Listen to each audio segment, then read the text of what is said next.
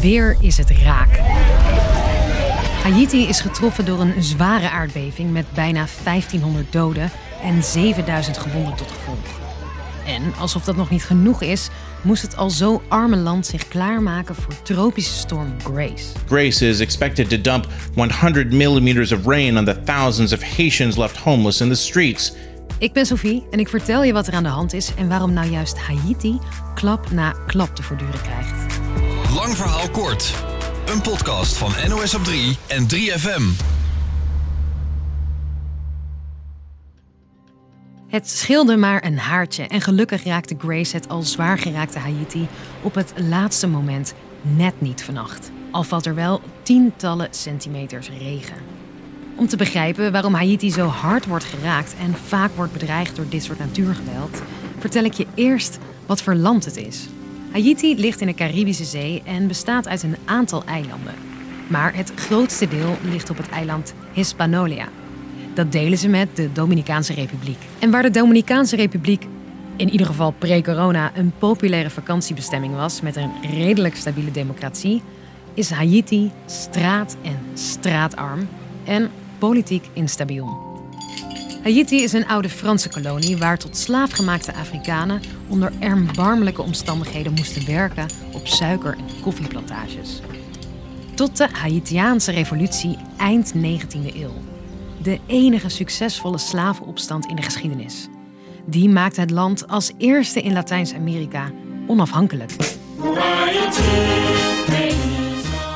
Maar de omringende landen wilden er niks meer mee te maken hebben. Uit angst dat hun koloniën ook zo'n revolutie zouden beginnen.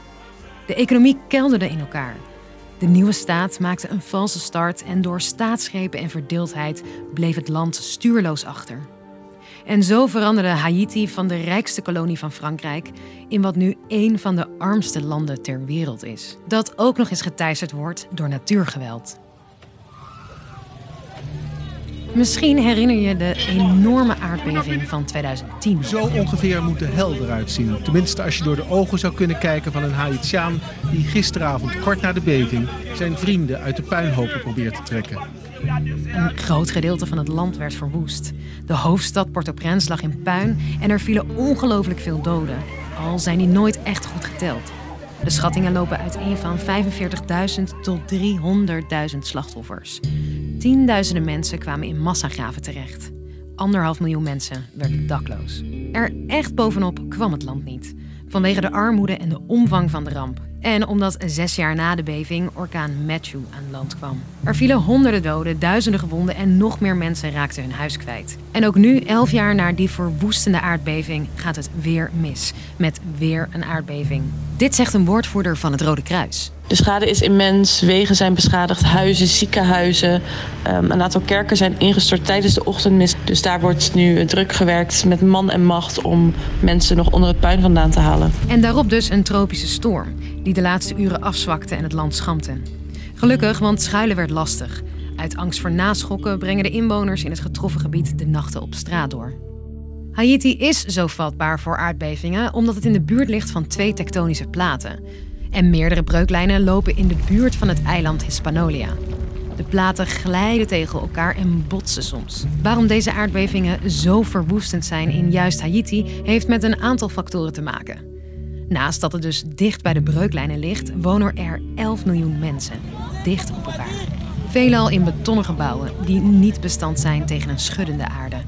Anders dan in de Dominicaanse Republiek zijn er veel panden met slechte constructies die niet zijn onderhouden. Daarnaast ligt het ook nog in een gebied waar veel tropische stormen en orkanen voorkomen. Voor de landbouw zijn er veel bomen gekapt, dus bij een grote stortbui kan de aarde makkelijk wegspoelen en ontstaan overstromingen en modderstromen. Dat is iets dat reddingswerk nog moeilijker maakt. Een van de armste landen ter wereld dus. De reden dat de wederopbouw steeds zo moeizaam verloopt, heeft ook te maken met de regering. Haiti scoort bijzonder slecht als het gaat om corruptie.